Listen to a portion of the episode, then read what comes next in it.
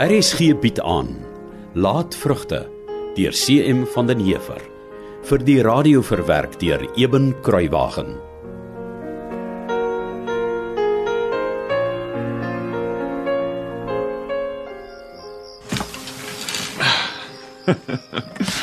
Oh, ek wonder wat sy pa sê as hy moet weet.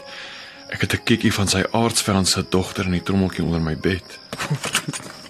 ek wonder wat sou oom Jaap sê as hy moet weet Johanna het die fotootjie vir my gegee. Johanna. Dit so sagte, blymoedige gesig, so fyn, so edel. Ek wonder wat dink jy van my? Hou jy van my? Ons het eintlik gepraat nie, maar jy het vir my een van die foto's gegee wat die fotograaf op die dorp van jou geneem het. Wat sê dalk tog iets? As ek jou weer sien. Wat sal jy vir my sê? Wat sê jy wil hê moet ek sê en? Ek ek weet nie. Ek weet ek sal wil hê jy moet jy moet sê jy hou ook van my. Jy ken my nog nie. Miskien sal ons eers net praat oor daetjies en daadjies. Jou ouers, my ouers, werk op die plaas. Ja, dis 'n goeie manier om mekaar te leer ken. Vertel my van jou ouers. Nee, wag, vertel my eers van jou pa. My pa hou niks van jou pa nie. My pa hou ook niks van jou pa nie. Weet jy, my pa is te synig om vir my 'n stoel in my eie kamer te gee waarop ek kan sit. Wat? Hoekom? Ek weet nie. Iets moes gebeur het dat hy so geword het. So, hy was nie altyd so synig nie. Nee, ek dink nie so nie. Toe ek klein was, het ek nogal van hom gehou. Wel, het hy nooit eintlik met my gepraat nie. Hy het geglo kinders word te groot vir hulle skoene as groot mense vriendelik met hulle is. Jy het 'n vreemde pa. Ja. Baie lank terug. Ek was nog baie klein. Onthou ek het my pa partykeer my hand gevat as ons op die plaas rondgestap het. Partykeer het hy vir my lekkers van die dorp af saamgebring. Maar toe ek eers begin groter word, het hy so vreemd geword. My pa is dalk 'n ou korrelkop, maar hy's nie synig nie. Jy's gelukkig. Dis of ek vir my pa soos 'n speelding was toe ek klein was, iets ouliks. Maar soos ek groter geword het, het dit vir my gevoel of ek in my pa se pad was. Ek ken hom amper nie meer nie. Hy foei tog en En ek kan nie vir hom raad gee oor enigiets en dan vlieg hy my in. Dis of hy bang is ek gaan sy baas word of dat hy eendag 'n deel van Boskloof vir my sal moet gee. ek kan nie eens begin dink hoe dit vir jou moet wees nie. Johanna, moet asseblief nie dink ek is voorbarig nie, maar wel hou jy van my? Wel, is seker nie jou skuld dat jou pa so onverdraagsaam en twissoekerig is nie. Maar ek dink nie jou pa sal van my hou nie. Om die waarheid te sê, daar verwag ek eintlik nog groot moeilikheid. Ek ook.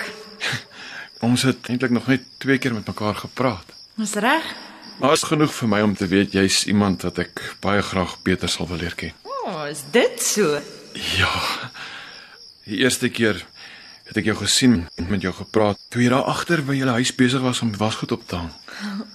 Toe jy na jou pa se verdwaalde oeye kom soek het, nê? Nee? Dis reg. Johanna. Ek wonder wat sy pa sê hy moet weet. O, oh, ek kan nou jy's die kers dood. Vir hom môre weer 'n kabaal is oor my spandaalbrigheid en agterloosheid. Die kers moet mos hou tot die einde van die maand soos my pa dit uitgereken het.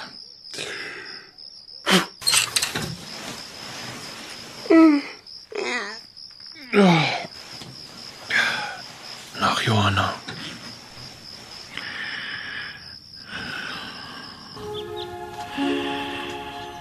Middag. Kan ek help? Middag. Uh ja, ek hoop so. Ehm um, ek is ehm uh, Henning uh, van Boskloof hier langs aan. Middag Henning van Boskloof hier langs aan. Ek is Johanna hier van Langvlei. Aangenaam. Uh, Johanna. Uh o ja. Uh ek is op soek na 'n paar van my pa se ou oeye wat soek geraak het daar uit die boonste kamp. Toe wonder ek maar of ek by jou pa of een van die skaapwagters sou kon hoor of hulle die skaap dalk gewaar het. Wel, ek weet nie of my pa sal weet nie. Dit dat hy so moeilik loop, kom hy nie so gereeld oral op die plaas nie. Maar sien jy deur daar by die hek staan 'n man met 'n hoed op die kop? Ja? Dis Klaas. Jy kan hom vra. En as hy nie vir jou kan sê nie, sal hy verseker weet wie ek kan vra. Johanna. Jy's so mooi. So sag. Heining. Het jy die vyf vasmaak oeye wat in die Lucerne kampie gebly het vanaand vasgemaak? Die vasmaak oeye. Maar nie vir jou onnoosel nie. Ja, die vasmaak oeye. Ehm, uh, jy praat magtig, het of het jy nie? Uh, nee. Henning. Jy is 20 jaar oud. Het ek jou groot gemaak om te gaan slaap as jou werk nog nie klaar is nie? Het jy nie 'n smoel nie? Vanmiddag se astrandheid het jou te groot gemaak vir jou skoene. Loop haal die oeye nou dadelik. Maar my magtig, sal jy so onderbiedig op die kooi sit en kyk asof ek 'n stuk papkramus is? Moenie net daar op die vloer vir my lê en kyk soos 'n stommerik nie. Toe loop. Gaan maak jou verbroude werk reg, jou sleghalter. Ek sal sulke astrandheid en agterloosheid nie onder my dak duld nie.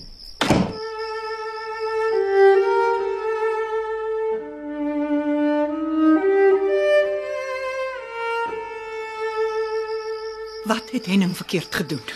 Dit gaan jou nie aan nie, Betta. Jy het laas jou hand vir hom gelig toe hy 17 jaar oud was. En nou is hy 20 en 'n strande agterloosige klein swermlet. Ek is die baas hier, ek gee die bevele. En nes die werkers moet Henning getug word as hy nie sy werk doen nie of as hy onmerbiedig is. Sybrand. Kyk na my. Wat sien jy? Wat vir 'n vraag is dit? Ek sien jou, Betta, my vrou natuurlik. Nee, Sybrand. Jy sien 'n besitting. 'n Huisbediende. Ek is vir jare nie meer die vrou van die huis nie. Wanneer jy ook nog vandag begin nie. So wat gaan gebeur? Gaan jy jou hand vir my ook lig? Stil vrou. Daarvan doen ek genoeg vir die afgelope hoeveel jaar al. Maar vir nou gaan ek praat. Gaan jy my tee, Betta? Ja, ek gaan jou tee sybrand. Kyk na my. Kyk hoe lyk ek op 53 jaar. Ek is grys. Ek skrik baie keer as ek sien hoe maar en kneukelig het my hande geword. Ek sien die skaduwee van 'n krom ou vrou as ek buite na die oond toe stap. En dan sien ek dis ek. Dis wat jy van my gemaak het. Betta, dis genoeg. Jy's hard en ongenaakbaar. Jy weet nie meer wat liefde is nie en jy trap als dood. Jy't blind geword, Sybrand. Ek het vir jou kinders in die wêreld gebring sonder dat jy vir my 'n dokter wou kry om te sorg alles gaan goed. So is twee dood by geboorte en ek self het by die dood omgedraai. Het ek tog maar hulle pad gevolg? Ek sal nie verder na jou geteem luister nie. Nee, jy hoef nie, ek is amper klaar. Ek het geleer om vrede te maak met my lot. My lewe is oor. Ek bestaan maar net vir die 5 uur môre se opstaan en die laat aand gaan lê as alles klaar is en uitgesit is vir die volgende dag. Maar my seun, my pragtige seun wat jy meer genadeloos dryf as enige van jou stomme werkers, ek sal nie toelaat dat jy hom knak en verneder soos jy met my gemaak het nie.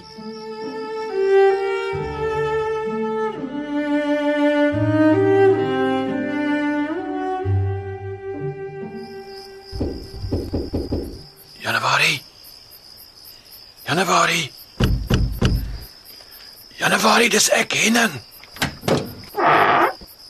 Nee meneer, en nou? Is daar fout? Ek is jammer om jou wakker te maak. Ek het vergeet van die vasmaak oeye vanaand en nou kry ek hulle nêrens nie. Onnosel voel ek nou. Ek wou nou net vir jou vra of jy hulle dalk nie gewaar het nie, maar ek bedoel hoe kon jy as jy al in die bed was? Dis so klein meneer. En uh, klein meneer Henning al gesoek na die oeye. Ja, ek het oral. Waar sou oral klein meneer? Daar van die klipmuur se hek af verby die tuindam en ek het op en af van die Lucernland gestap en toe ek uit radeloosheid na die populierbos toe. Gedink hulle sou dalk daar skuil oor die nag so koud is. Uh, ja, skout vannag. En ek sien klein meneer is ook hier so warm aangetrek. Ja, ek het uh, Ag, dit maak nie saak nie. Ek is jammer ek het jou wakker gemaak Januarie. Ja, ja, ja, dis niks daai nie, kle meneer. Ek sal 'n bietjie saam met kle meneer gaan soek. Nee, nee, nee, nee, dis nie nodig nie, dankie. Dit is so donker oor die maan nie skyn nie. en Dan het ek ook eers 'n lanterne vir ding by my nie, so se mors van tyd. Ek hoor van kle meneer se praat. Daar's 'n seer wat uitkom saam met die woorde. Januarie. Miskien moet ek net sê meneer Sybrand praat partykeers. Ja? Ja, kle meneer. Van ouma vrou en van meneer Gert hulle en al daai. En ek kle meneer Jenning al ooit gehoor dat ek uitpraat. Nee, Januarie, ek het nie. So, kle meneer kan mos maar praat. Ek sal net luister. Dankie Januarie. Ek sal onthou. En nou, wat hou dan vir kle meneer so vas? Ek sien die voete wil nie pad kry nie. Nee, ek ek dink sommer. Kle meneer. Dis koud as 'n mens so staan. Kom ons loop net so om en dan kan kle meneer maar nog dink. Net die slag is kle meneer nie alleen nie. Ja.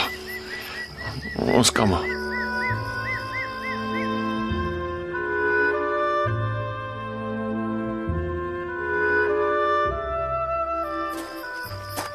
Ja. Ons wat hier werk ken daai regterhand van meneer Sybrand. Jy weet sommer as meneer sy voete so uitmekaar geplant het, as hy voor jou kom staan. Dis die hand wat eers te gaan praat.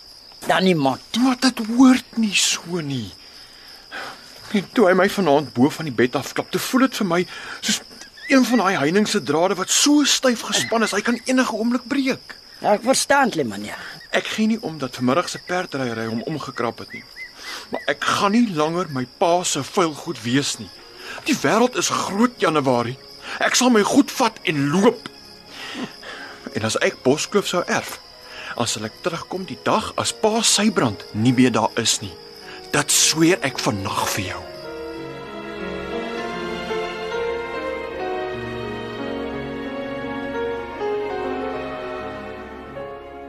RSG se middagvervolgverhaal Laat vrugte deur CM van den Heever is in 1939 uitgegee deur Nasionale Pers. Die verhaal word in Kaapstad opgevoer onder regie van Eben Kruiwagen.